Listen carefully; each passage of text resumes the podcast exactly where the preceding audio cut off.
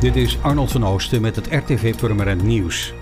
De Purmerendse actie Koop een kerstbrood en steun Kika heeft tot nu toe tot de verkoop van 1100 kerstbroden geleid. De initiatiefnemers hopen dat aantal de komende periode nog te verhogen naar 1250. Bart Tishauser organiseert samen met zijn dochter Inge, haar vriend Thomas en boezemvriend Kees voor de vierde maal deze actie. In het eerste jaar werden bijna 400 broden verkocht. Een jaar later waren het 750 exemplaren en afgelopen jaar bleef de teller steken op ruim 1000 stuks. In totaal konden ze al ruim 6000 euro overmaken naar Stichting Kinderen Kankervrij. De actie wordt wederom georganiseerd in samenwerking met banketbakkerij Mastenbroek. De broden kosten 10 euro per stuk en kunnen worden besteld via kikakerstbrood.gmail.com.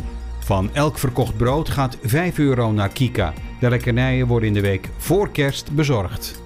Afgelopen maanden hebben 258 kinderen uit Purmerend en Beemster meegedaan aan Hackshield.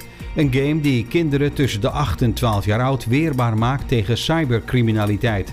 Via dit spel werden kinderen opgeleid tot ware cyberagents, die zichzelf en hun omgeving kunnen beschermen tegen online gevaar. Het spel is ontwikkeld omdat digitale veiligheid vaak ontbreekt in de digitale opvoeding van kinderen en jongeren, terwijl hun leven zich steeds meer online afspeelt.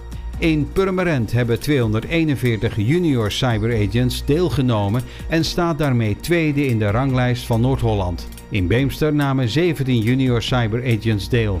Gisteren werden de zes junior cyberagents van Purmerend en Beemster met de meeste punten gehuldigd op het stadhuis in Purmerend.